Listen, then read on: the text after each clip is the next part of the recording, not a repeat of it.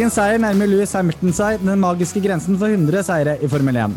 Med hans 97. seier viser Mercedes at forspranget Red Bull hatt i sesongstarten nå er borte, og at kampen om årets mesterskap blir jevnere enn på lenge. I kampen for å bli best of the rest melder Alpine seg på etter en god løpshelg fra både Esteban Ocon og Fernando Alonso. Mens Aston Martin sliter fortsatt nede i gjørma og leverte nok en dårlig løpshelg på den portugisiske sørkysten.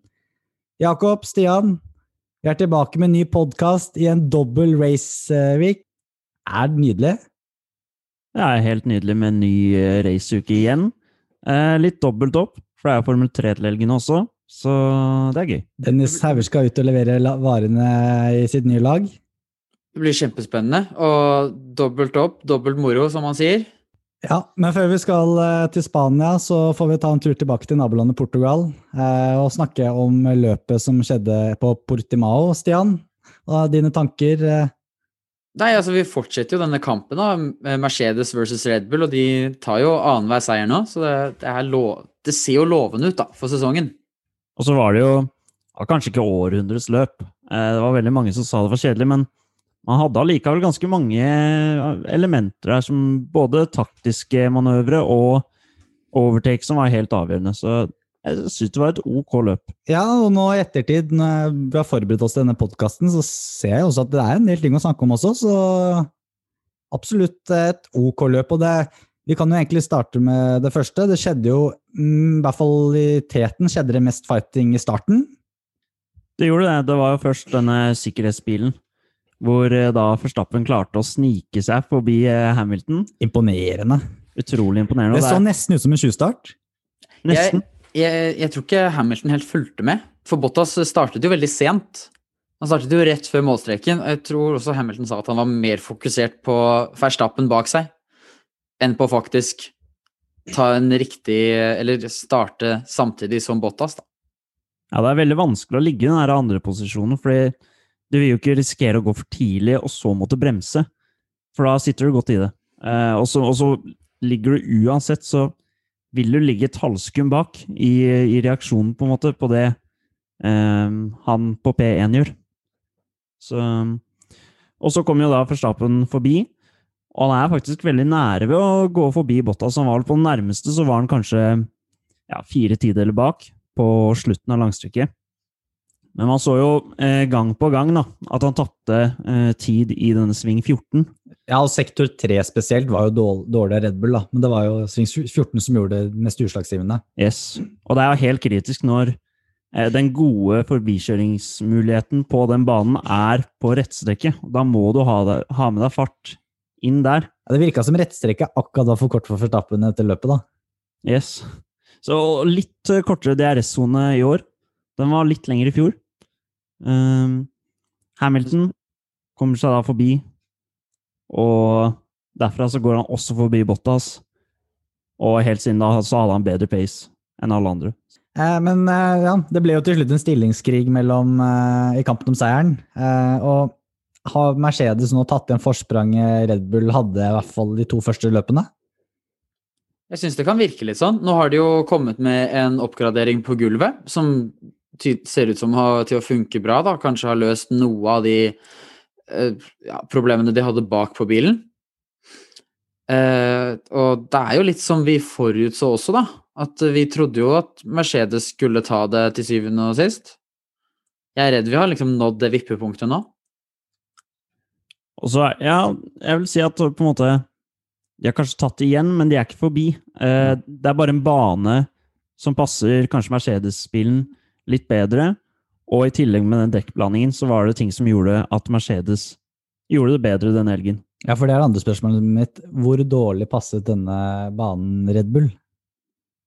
Eh, Det, det, er det, det er nettopp det. Og det er det som er så bra med denne sesongen. Fordi ok, vi snakker om at det var en dårlig bane på Red Bull, men fortsatt så var det så jevnt. Ja. For i fjor så ville dette vært eh, kanskje 30 sekunder da, ned fra Hamilton og Bottas og ned til Verstappen. Men i år så er det ja, hva var det? Tre, fire, fem sekunder. Ja, før han pitta til slutt, ja. Yes. Det var jo mye snakk om eh, altså, hvordan bilene funket på denne banen. Veldig mange som kommenterte at nei, bilen min funket ikke i det hele tatt. Eh, spesielt at det har vært så mye kommentarer rundt det. Ja, og um, det er jo veldig sjeldent eh, at de går på Eller det er jo oftest de bruker den midterste uh, dekkplanen, altså medium C2, C3 og C4. Eh, denne gangen så brukte de den hardeste. Og vi så i fjor også på Silverstone, eh, den andre helgen, tror jeg det var, hvor da eh, Verstappen tok eh, rotta, rett og slett, på Mercedes-bilene med den mykeste dekkblandingen. Så i tillegg så har man vinden, og det er jo forskjellig hvordan bilene responderer på det. Ja, hva tenker du, om, tenker du om det, Stian? Eh, Mercedes eh, klokka inn bestetida i kvalifiseringen på mediumdekk. Eh, jeg syns det var litt rart dekkvalg av Pirelli. Det virket som de gikk veldig safe ut. Eh, men det at Mercedes setter bestetid på eh, medium, det sier jo bare noe om det samme da, som Jakob har sagt, at det er bilene håndterer dekkene veldig forskjellig. Eh, ja. Og i eh, denne helgen så følte Mercedes at eh, mediumdekkene funket bedre for dem, mens Red Bull følte at softdekkene funket bedre for dem. Og det er litt gøy, for det gir litt spenning også. Veldig Ja, jeg er helt enig. Veldig gøy at det er uforutsigbart. Samtidig så er det sånn når, når Peres kan ta 50 runder, eller det hva han, han gjorde på de mediumdekka, så er det sånn Ja, er det sånn Formel 1 skal være? Men ja. Ja, ikke sant. Eh, Du nevnte jo i stad at eh, Red Bull og Verstappen pittet jo rett før slutt for å prøve seg på et fastest lap. Det var litt krig om ekstrapoengene i dag, eh, Jakob. Nei, i dag. Søndag. Ja, det var det, og, og det var det som på en måte ble tatt opp også etter Imola-løpet. Hvorfor Red Bull ikke fikk Peres til å ta fra Hamilton det ene poenget på Imola. Eh, og det prøvde de på eh, i dag, og hvor da Bottas svarte. Eh, og, det, og det var litt uh, gøy, for det var, uh, det var mange som spurte hvorfor risikerer Bottas dette. For det var ikke mange sekundene mellom eh, Bottas og Peres, mener jeg å huske. Det var vel, det var tror jeg, rundt en syv sekunder, faktisk. Ja, så det er sånn Det går jo fint, men det er det med pitstoppet, om det skulle gå gærent. Ja, det har jo skjedd før med Bottas at det tar litt tid. Yes, og da kom jeg på et intervju som jeg hørte fra en av Mercedes-ingeniørene i fjor, da dette gikk gærent på Sakir. Eh, og han sa det at eh, man skal aldri, eller Mercedes sin filosofi da, er at man skal aldri la være å gjøre pitstop fordi det er en risiko ved det. Fordi det vil alltid være en viss risiko ved pitstop, og det kommer til å være pitstop hvor det står om til og med VM-titler. Um, Det er jo et godt poeng, da. ja, og de skal alltid på en måte være selvsikre på det, da. Og det som er litt gøy, er at eh, nå vil jo kanskje disse poengene også telle litt mer enn de har gjort tidligere år, da. Yes. Akkurat det jeg tenkte også, at eh, nå som det er et jevnt, så virker som det er så jevnt, da. Så teller jo de, som Stian sier, at de teller mye mer. Eh, I midtfeltet så var det ikke like mye kaos denne gang som de to første løpene. Eh, Men Norris leverer fortsatt eh, høyt oppe. Ja, han viser seg jo virkelig som en kandidat, eller til en fremtidig verdensmester, da. Syns nå jeg, i hvert fall. Eh, Og veldig mange andre, hvis man har lest på forskjellige nyhetssidene også. I en bil han selv sa at ikke fungerte bra på Portemar-banen. Det er ganske imponerende å komme på femte da. Det er veldig imponerende å komme på femte, og du ser jo hvordan Ricciardo klarer seg i bilen. Han sliter jo veldig nå, og han har jo tidligere sagt at han håpet på noen oppgraderinger for å løse problemene sine, men nå har han vel sagt at han skal prøve noen nye ja, dempe, ja han skal fikse noe på støtdemperne i bilen, da, rett og slett. Og Ja, ja, du sa jo Ricardo, han sleit. Kom jo ikke engang til Q2. Nei, han går ut i Q1, og det sa han jo selv, han klagde på litt trafikk, men det er jo Altså, det skal jo ikke skje. Rett og slett. Nei.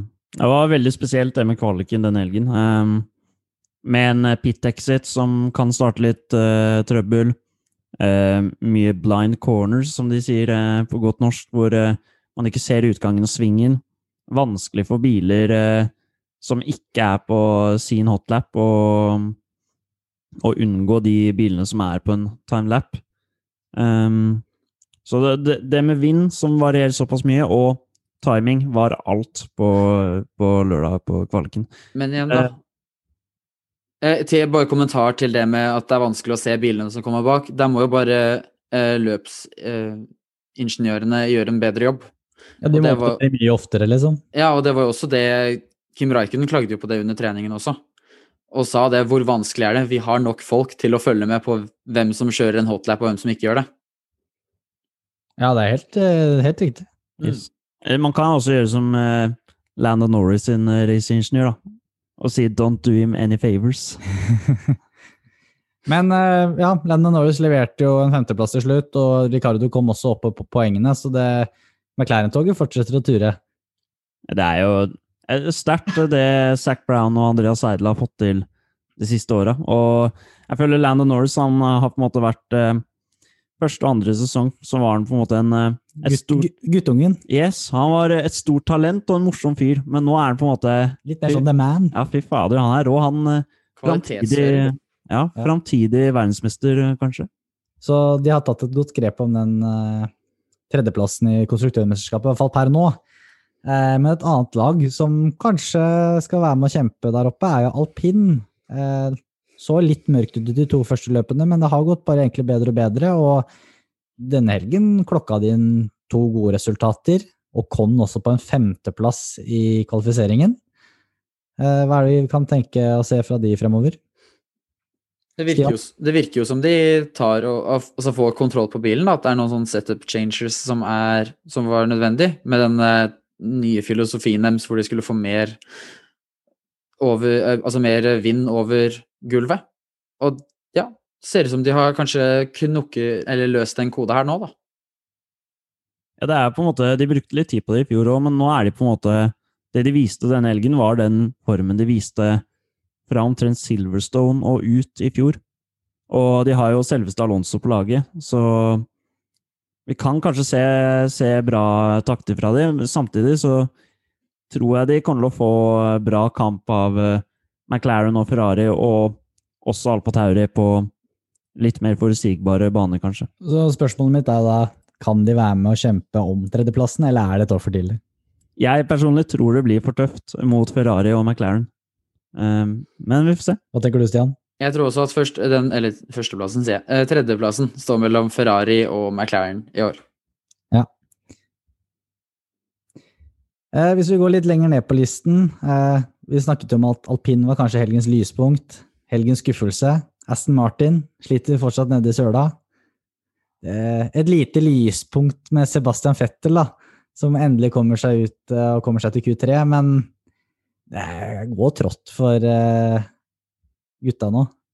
Ja, det er jo nesten så man glemmer å hylle Bottas for eh, hans pole position og Russell for sin ellevteplass, som er helt sykt, når Fettel kommer til Q3. Altså, han er fire ganger verdensmester, og han kommer til Q3, og det, folk syns det er helt utrolig. Så Og så er det så synd, da, når Fettel kommer faktisk til Q3, da, så klarer ikke Stroll å komme seg videre for Q1 engang. Mm.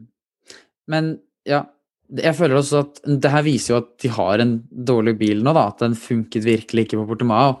Og Fettel klarte seg faktisk å komme seg foran uh, Stroll til slutt på, på løpet. Så jeg føler at det her kan være en sånn liten hysjer til alle som var så veldig kritiske til Sebastian Fettel. At det Ja, altså, jeg syns Vettel leverte greit i løpet sånn ut ifra forutsetningene, da, men han fikk jo en dårlig start, da. ja, men at det her viser at det er bilen da, som er ja, det er, det er for tidlig å dømme han etter de I hvert fall etter de to første løpene var det jo ting som skjedde her som han ikke kunne noe for. Um, Ja. Men hva nå for Aston Martin, da? Fremover? Hva er det de skal gjøre for at de skal komme seg til den gjørma? Nei, jeg tenkte de skal satse på at eh, det saksmålet deres skulle gå gjennom, men de har jo gitt opp, så- gitt opp på det nå, da. Så Du Jakob, hva tenker du? Nei, jeg tror det blir vanskelig i år. Det de gjorde i fjor, var helt spesielt med å kopiere Mercedes, og jeg tror nok de må satse litt eh, mer langsiktig, litt mer fra neste års helt nye regler, og ta det derfra. Nå er det den cost-gapen også, som kommer til å gjøre det lettere for lag som eh, Aston Martin. For det er jo også en spennende greie, da. Når er det man skal begynne å satse på eh, neste år?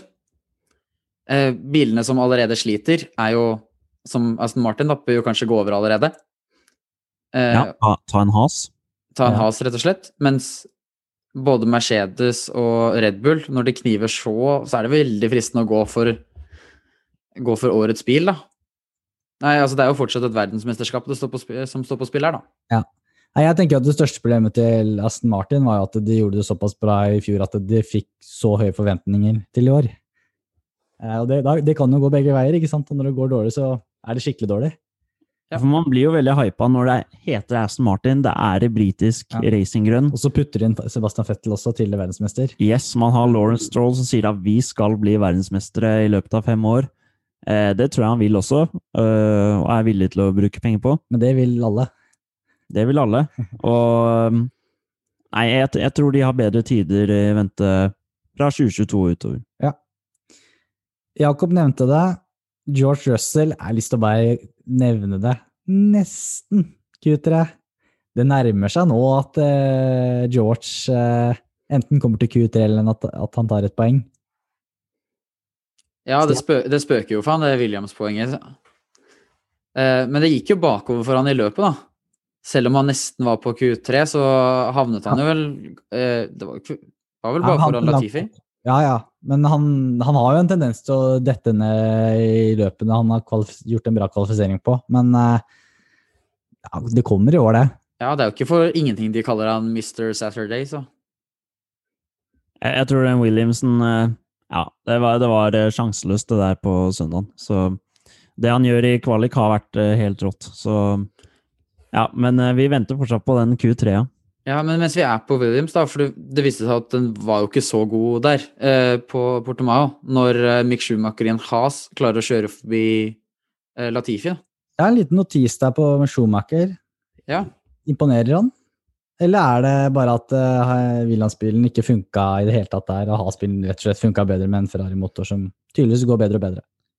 Jeg tror uh, Williamson var noen kar å kontrollere, for Latifi er en god fører.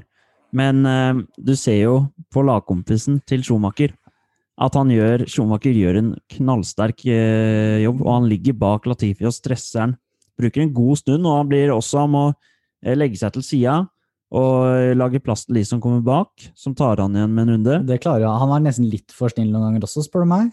Han var det. Eh, Finn en mellomting mellom han og Mazepin, så tror jeg det er på riktig sted. Yes, og han klarer å stresse han. Latifi gjør en feil, og han er forbi, så det er gøy. Eh, Når vi er inne på Massepin eh, Han ble jo faktisk Han fikk faktisk flest stemmer på Driver of the Day. Ja, Blir han ikke er spant, da, eller hva? Eh, det Peres eh, ble Driver of the Day, men eh, det var folk på sosiale medier som gikk sammen og stemte på Massepin. Det har jo skjedd før i Formel 1 også, eh, med Sirotkin og litt sånn forskjellig. Jeg syns det er gøy. Ja, jeg syns jo det, jeg òg, men eh, det er kanskje riktig at det er Peres i forhold til uh, Mazepin. Ja, Han ble jo parkert med over et minutt fra Schumacher. Men det hadde jo vært litt spennende, da. Hvis du ser på Formel E, så har de jo at de kan stemme på hvem som skal få en liten boost. Det Hadde jo, altså, Mazepin hadde jo trengt den boosten. Jeg tror ikke han hadde fått den da. Ja, Han kjører inn i det der boost-hjørnet, var det ikke det? Ja, men på, ja, men på Nei, er, i Formel E så er det jo en sånn egen sånn 15 sekunder boost eller noe sånt. Ja, ja. eh, som du ikke trenger å kjøre en omvei på. Altså, hvis, hvis du hadde gitt Mazepin mer hestekrefter på bakhjulene, så hadde han vel garantert spint, så det er jo ikke noe Ja. Det var jo den ene svingen i, på Portimao-banen, så er det jo eh, Hva skal jeg si du kan kjøre, Det er veldig sånn klart og tydelig at du kan kjøre inn en mye kortere vei i det. Jeg husker ikke hvilken sving det er. Er det sving seks? Ja, er eller fem eller seks? Fem eller seks, ja. Han skulle fått handikap og kunne kjørt inn der. Han ikke. Ja. Det kunne vært litt spennende. Sving fem lurer på. Ja, hvor gøy hadde det ikke vært hvis alle lager sånn på alle baner? Med en gang du blir lappa med en runde, da er det lov å kjøre de handikap-veiene. Eller sånn som du prater om, Atvold, stemme. Ha litt sånn reality-konsept. Ja. Sitte og stemme på en app for hvem som får lov til å kjøre der. Nå skal du jo prøve speedclub, så hvorfor ikke, tenker jeg. Ja. Jeg tror det har vært sinnssykt frustrerende. Så skal han Se, han ligger bak han, Altså, han ligger bak noen, så tar han snarveien, så er han foran dem, og så må han bak drive og ta for han forbi enda en gang. Og så sånn fortsetter det hver eneste runde. Ja. Men han lå jo et halvt sekund bak uh, Schumacher på kvalifiseringen, da, så det, det kan ha vært mer fair. For å runde av eh, Portimao Grand Prix, sammenlagtlista, Jakob. Du har vel den foran deg, fører og konstruktør. Den eh, skal jeg få opp. Bare Trenger ikke å ta hele, men uh, i hvert fall noe av det. Det mest viktige. Det er jo da Louis Hamilton som eh, leder, som vi vet, foran forstappen. Verstappen. Louis Hamilton har 69 poeng, Verstappen har 61. Så følger Landon Norris. Landon Norris på tredje. han holder seg på tredje ennå. Han har dratt fra litt òg nå. 37 poeng. Bottas 32, like hælene nå. Femte Leclerc. Sjette Sergio Perez med 22, men det, det kommer seg. Eh, konstruktørmesterskapet er da så klart eh, Mercedes. 101 poeng. Red Bull 83. Eh, McLaren 53 poeng. Og Ferrari ikke langt bak, 42. Og så er det helt ned til alpin, da, med 13 poeng. Så det er Det ser ut som det er stor kamp om førsteplassen og om den tredjeplassen. Eh, skal vi gå videre til eh, vår kjære Lights Out Power Ranking? Hvem er det som skal få noen stjerner i dag, gutter? Ja, det kan eh, være mange, vil jeg si. Ja, Men det er bare så skulle ønske Jeg skulle bare så skulle ønske Russell hadde kommet til Q3, for da kunne vi gitt han en stjerne. Ja. Helt enig. men på, tredje, på tre stjerner så har jeg Ocon. Gjør et bra løp og gjør en fantastisk kvalifisering. Så jeg syns det er eh, beste førerprestasjon denne helgen. Hva tenker dere? Jeg, jeg Altså, min power ranking blir nok litt kjedelig, for jeg hadde jo tenkt eh, at eh, Altså, ja, Norris er kanskje ikke helt opp på tre stjerner. Ocon tar jo faktisk og kjører, ja, kjører fra en uh, dobbel verdensmester, så jeg, jeg kan være enig i at Ocon kan få tre. Ja, jeg, jeg har han på to stjerner. Eh, Jeg har Louis Hamilton. Eh, Litt kjedelig der, på tre stjerner. Eh, Men det gjør ikke meg noe å gi Ocon tre stjerner. Jeg tenker for- at Hvis Louis Hamilton hadde vunnet kvaliken, så kunne han fått tre. Men det gjør han ikke. Ja, nei, det er et godt poeng. Ja. Eh, Vi kan gå for han. Da har vi tre stjerner på Ocon. Det er sårt trengt for han eh, i power ranking-sammendraget. Yes, Han debuterer vel på den sammenlagtlista, han nå, gjør han ikke det? det gjør han. To stjerner. Stian, vil du starte? Eh, jeg hadde jo egentlig også Jeg tenkte jo også Louis på tre stjerner, men eh, jeg vil da gi han to stjerner. Jeg har også han på to stjerner. Ja, jeg støtter den. Enkelt og greit. Og én stjerne. Der tror jeg vi kanskje er litt uenige. I hvert fall uh, Hatlevold.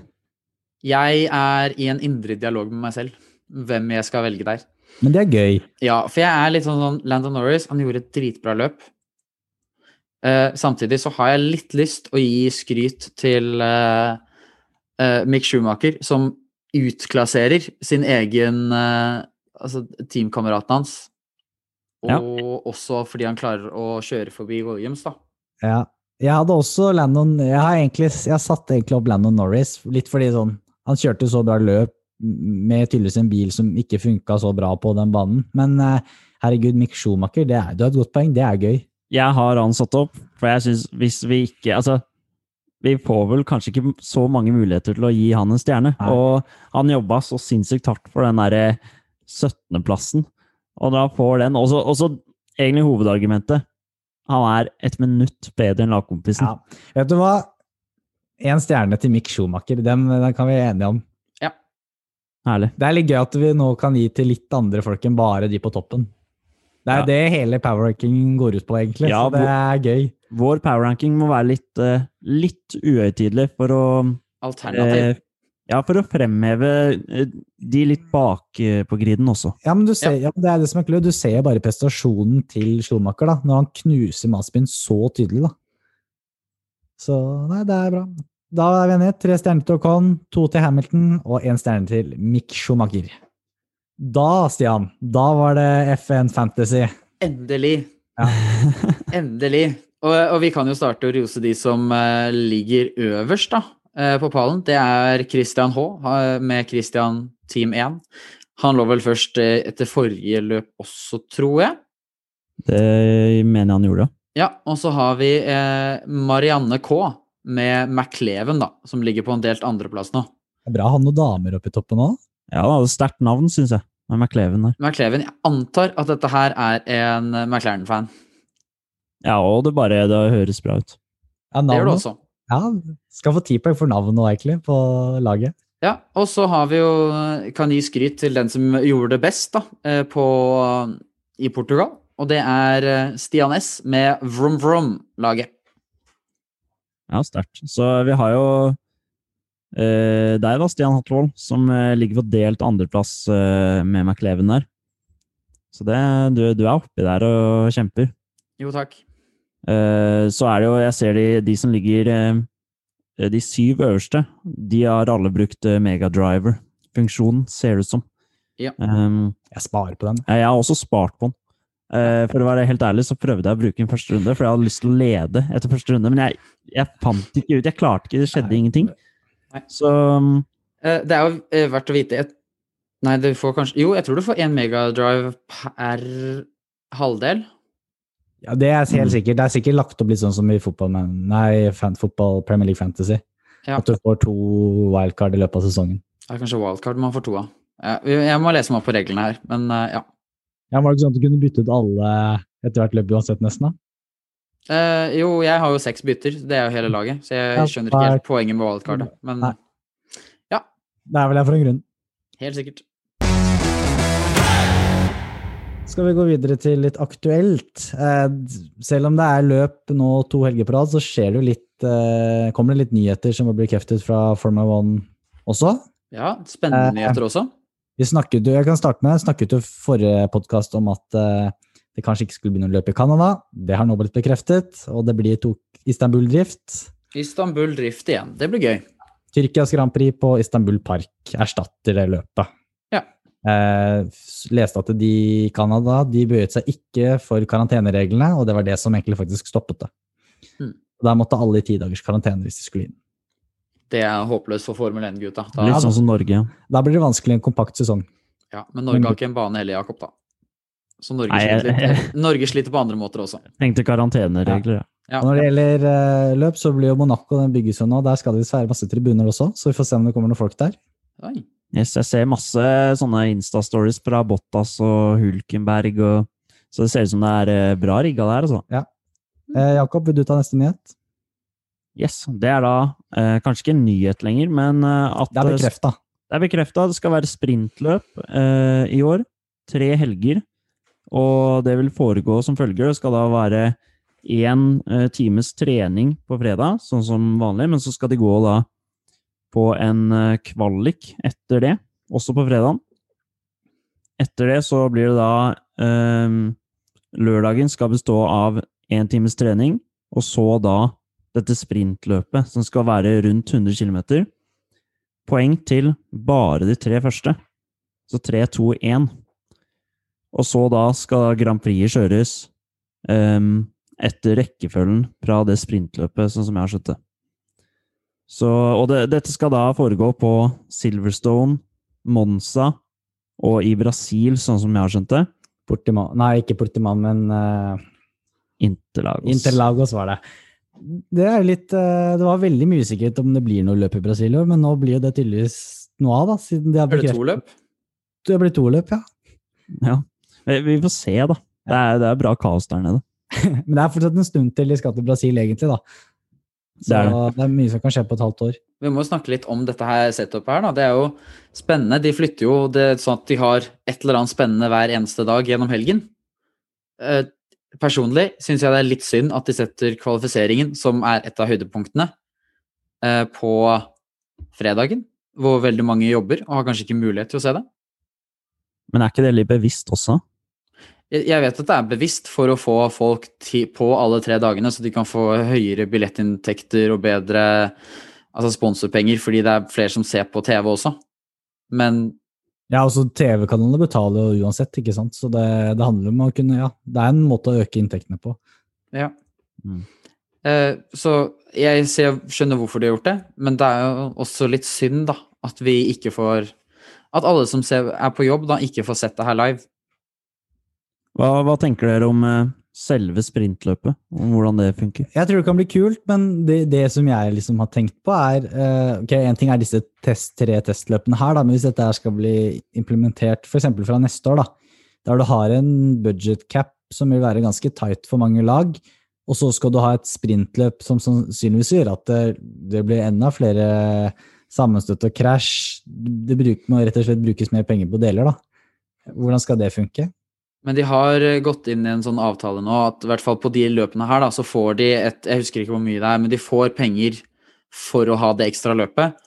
Og så skulle også Fia, eller en av de, da, dekke kostnadene hvis det kom en, en ulykke, da, hvor de måtte eh, ja, bytte større deler.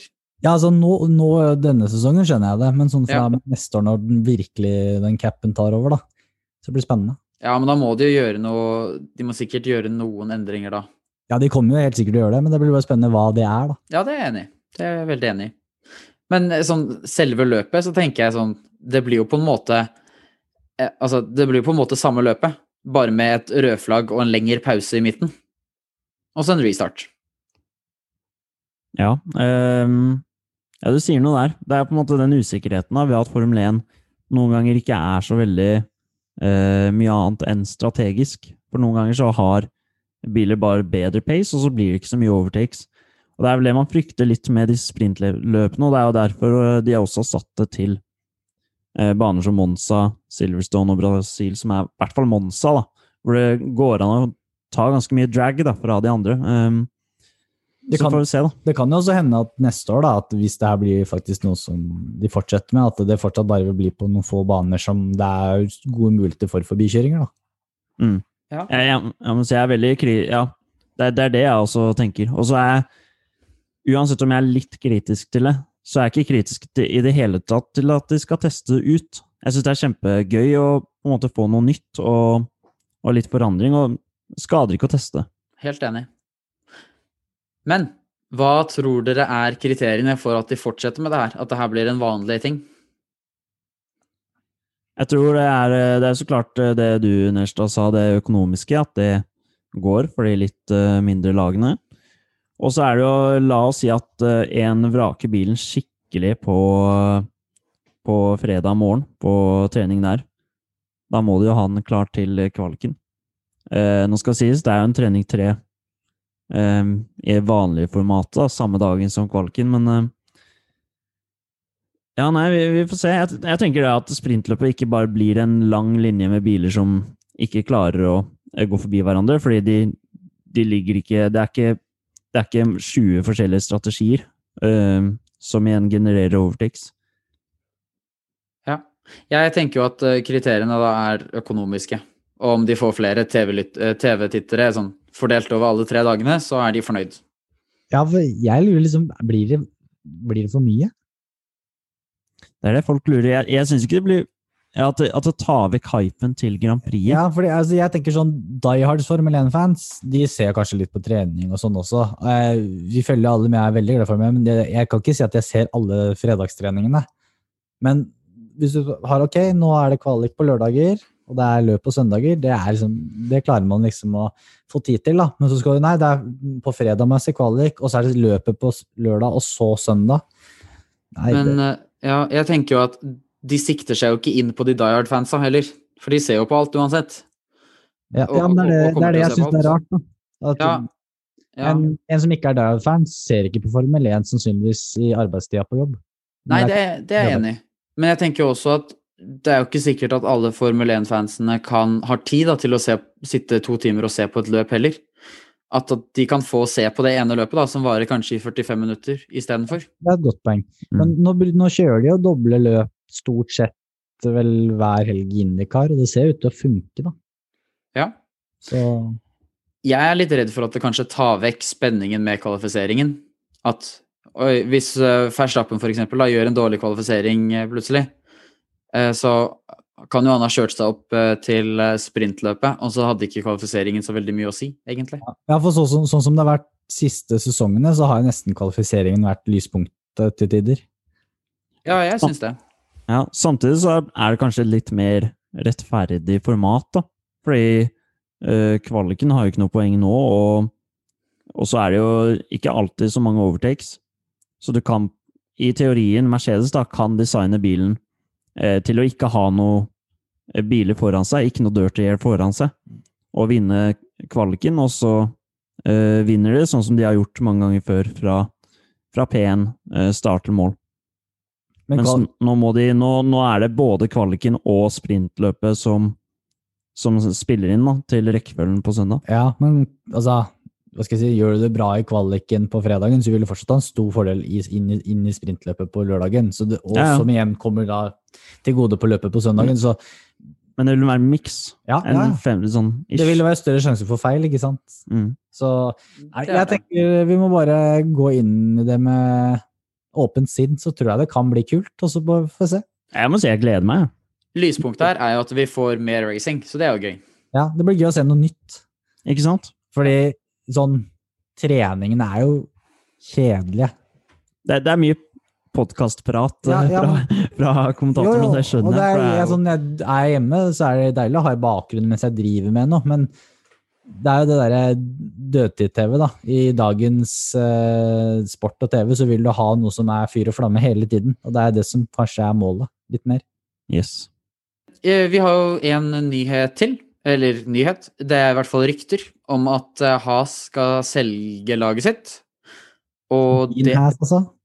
Gene Haas skal selge Haas-laget, og da er det jo ryktet at eh, pappa Massepin da skal kjøre en Lauren Lawrence Stroll og ta over laget.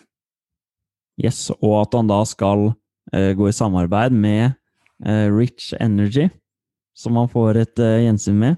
Ja, de syns jeg ikke fortjener noe mer PR, så de har egentlig ikke lyst til å snakke om, skal jeg være helt ærlig. Det blir gøy. Det, vi, jeg håper vi får det sponsormøtet med Ginter og han eh, nissen i Rich Energy på Drive to Survive igjen. ass.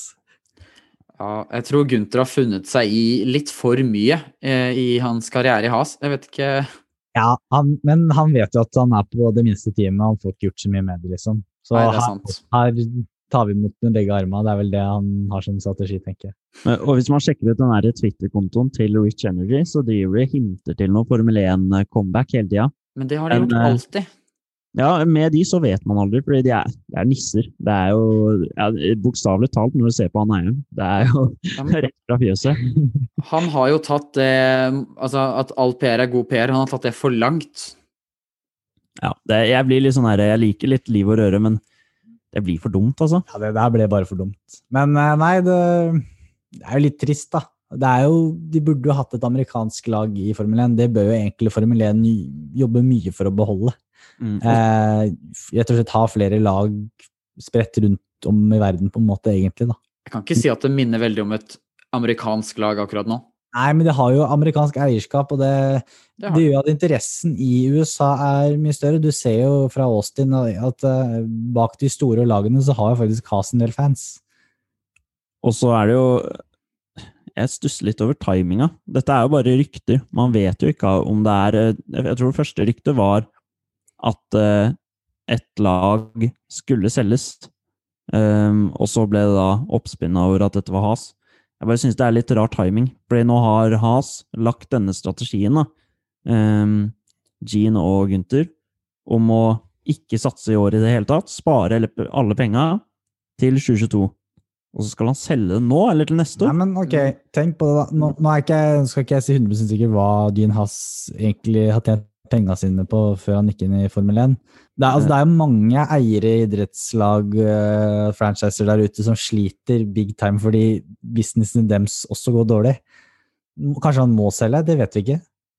Ellers så vet jo ikke vi hva som har foregått bak i kulissene i laget også, da. Det kan jo hende at han har bare sagt nei, jeg gidder ikke å gi mer penger, jeg selger det til neste år. At det er en plan med det.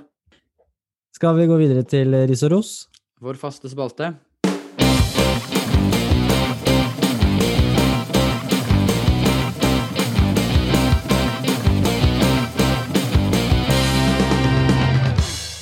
Ris og ros. Uh, Stian, vil du starte med ris? Jeg kan starte med en ris, og jeg har lyst å rise en uh, Vi har faktisk ikke snakket om det tidligere i episoden, men jeg har lyst til å rise Helmut Marko. Og det er for utsagnene hans om at track limits har ødelagt både en pole, eh, fastest lap og et løp for Red Bull. Og da hintet til at de måtte finne på noe annet enn track limits. Eh, og så syns jeg det her bare er dust, fordi altså, for det første eh, han, eh, Verstappen får betalt så mye penger at han burde vite hva slags regler han spiller under. Og hvis de hadde gjort noen andre Altså hvis de hadde hatt noe annet enn track limits, som en curbs eller grus, så hadde han jo i hvert fall ikke fått pole, fastest lap eller den seieren. Da hadde han jo ikke fått andreplassen heller. Nei. Jeg er enig i at denne gangen så hadde han ikke noe å klage over. Uh, ja. Jeg syns ikke han hadde noe å klage over de andre gangene heller. jeg. Jeg har jo en ris relatert til rundt litt det samme temaet, jeg òg. Men det er egentlig til track limits. Uh, vi har jo snakket om det før i Ris og ros, men nå, er jeg, nå tenkte jeg på det egentlig når jeg så løpet i helgen. Jeg føler egentlig track limits har blitt litt sånn som var i fotball. At du, yes, du jubler at uh, Verstappen tok fastest time der, eller Norris på Imola gjorde det, og så nei, du blir fjerna etterpå. Det er sånn du, du, må nesten nå hver gang eh, det kommer en dritbra runde, så må du vente og se. Ja, blir den her godkjent, eller blir den ikke? Var han en millimeteren utafor? Det ødelegger sporten. Jeg er enig, fansen har noe å klage over. For noen ganger så er den hvite linja, andre ganger så er det curbsen. Og så er det forskjellig fra sving til sving. Så ja, det er jo tema hvert uh, Grand Prix. Ja. Jeg skulle ønske de hadde hatt noe At de kunne skje fortløpende da, hele tiden. F.eks. i MotoGP så har de jo sensorer, så de vet at de har kjørt ut hele tiden. Og så er jeg enig med Jakob også at det burde vært litt mer Altså alltid ha den hvite linja. Ja, det er Ikke drive og veksle mellom det. Helt enig. Yes. Uh, hadde du flere? Jeg har en til, ja. Uh, det er til Nikita Maspin. Bare Du ligger liksom ett over ett minutt bak teamkameraten din. Pere skal forbi relativt mot slutten. Og så tar han den tullete manøveren og slenger seg inn i svingen, så Peres bare må ta en skikkelig oppbremsning. Jeg bare tenkte, hva driver du med massepinn? Ja, han har beklaget seg etterpå, men det er sånn Selvfølgelig er det han. Beklaget han seg? Ja. Da må han få ros, da. Jeg så teamradioen også, han sa unnskyld med en gang, faktisk. Men ah, ja, det, når man ser på og ser han gjøre det der gang på gang, så er det sånn prøver han å bli upopulær. fordi selv om jeg ikke liker fyren nå, så har jeg lagt det fra meg, det som skjedde eh, i vinter og høst, eh, hvor han ble så upopulær. Jeg har egentlig glemt det ganske bra. Og så minner han det på meg hele tida. Jakob? Ja, jeg har tre stykker, faktisk. Jeg skal ta tre. to av dem kjapt. Så de, jeg skal ta to, de to første skal jeg ta kjapt. Det er da Mercedes sitt pit crew. Eh, Bottas da pole ingen jubel fra pit crew.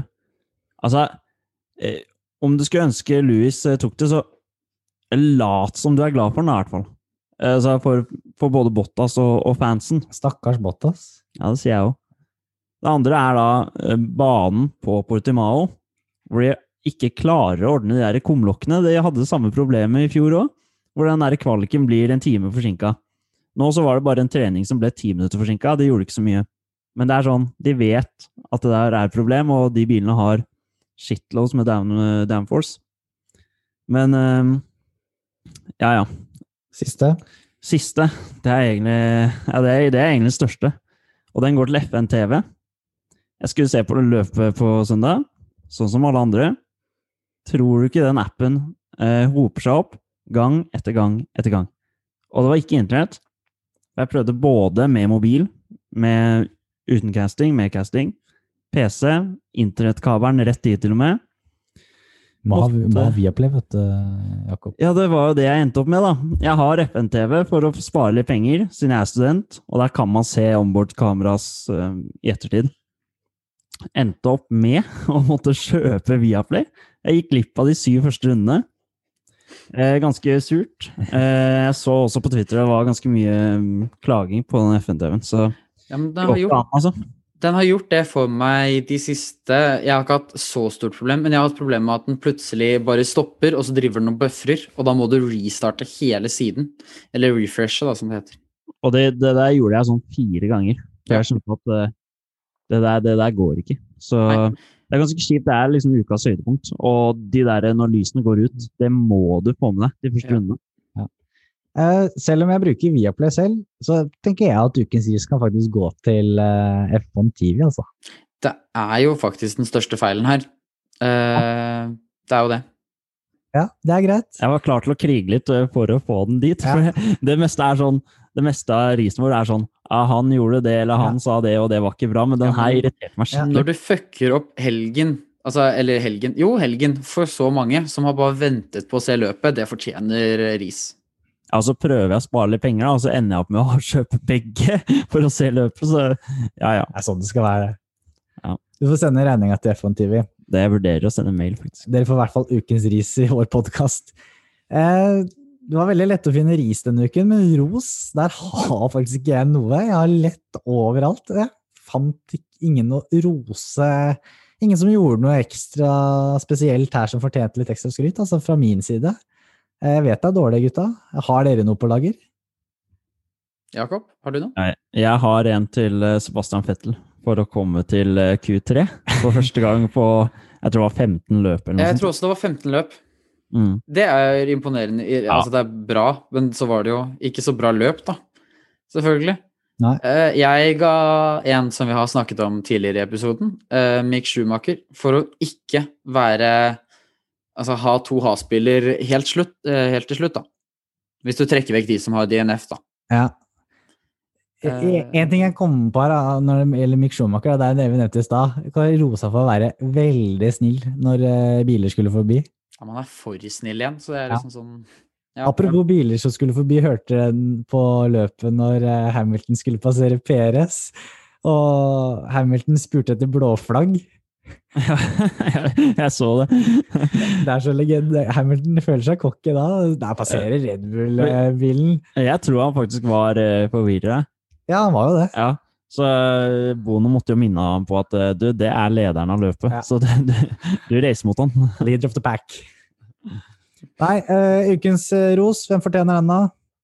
Nei, skal vi si Fettel, da? Siden det er så lenge siden. eh, vi, vi får jo ikke rost Fettel så mye. Ja, og det gikk jo dritt i helgen til syvende og sist, det ble jo ikke noe poeng, så da du kan få en liten ros for oss isteden. Du er on fire, Jakob, når du både fått ukens ris og ukens ros. Ja. Litt vel bortskjemt, kanskje. Imponerende. Nå er det jo bare fire dager til eh, de starter igjen i Spania, så kan, kanskje Fettel kan gå inn i den eh, helgen med litt momentum fra rosen vår. Ja. Ja. Jeg, jeg tenker jo at Spania kommer til å bli et liksom morsomt løp, eh, for det er jo en bane de kjenner veldig godt, så det er kanskje ja. muligheten for å justere bilen, da, som den skal være for uh... Ja, det er jo da til helgen så skal det til Barcelona. Det er en kjent bane. Det har vært testing der i mange år. Det var ikke det i år pga. covid, men uh, hva Ja. tror du? da? Kanskje det er sjansen til Ricardo, at han kan få sette opp bilen sånn som han vil ha den, når det er kjent bane. Det er et godt poeng. Og det, som dere sier, det er en veldig kjent bane. Um, Nokså standard bane i hvordan den ser ut. Eh, dette kan på en måte være en bedre pekepinn da, på hvordan lagene faktisk står. Eh, igjen, altså Mange syntes Portimao var kjedelig, og nå skal vi til Barcelona, som eh, ikke er kjent som den mest spennende banen. Den er kjent som en ganske kjedelig. Men uh, Førstappen har hatt en del bra løp der. Han vant jo sitt første Formel 1-løp der. Så Ja. vi håper at fighten mellom Hamilton og Verstappen fortsetter på Bar i Barcelona. Nei, jo, må jo sies at det også er en bane hvor Mercedes også gjør det veldig bra på. Ja, det er jo det. Så nei, vi får håpe det blir eh, ordentlig kriging om topplasseringene. Ja, og så er det jo sesongåpningen til Hauger og co. Det blir også veldig spennende å se. Det blir veldig gøy, og vi har jo eh, Juan Manuel Correa eh, tilbake i aksjon. Eh, første gang siden Formel 2-løpet på Spa i 2019. Mm. Så det var Han har eh, Det var samme ulykken hvor eh, Antoine Aubert eh, døde. Han Korea han var to uker i koma og han har vært gjennom 25 operasjoner for å hindre eh, å amputere beinet. Så det, det, det er litt gøy da at han er tilbake nå. Eh, han, eh, Korea har jo gått gjennom den eh, sinnssyke rehabiliteringen til at han er der han er nå. Det er eh, eh, mange i Formel 1 som får litt eh, tyn, altså strål og massepinn, for å ja, ha en lett vei inn. Han eh, har ingen lett vei. Nei, Det kan vi trygt si. Men med det så er vi vel egentlig ferdige for denne gang. Da er det bare en uke igjen til ny podkast. Den spiller vi inn eh, søndagen rett etter løpet, så den kommer vel ut da ja, mandag morgen, tenker vi. Vi får håpe Ja. det. Så da ses vi neste uke. Det gjør vi. Ha det bra. bra.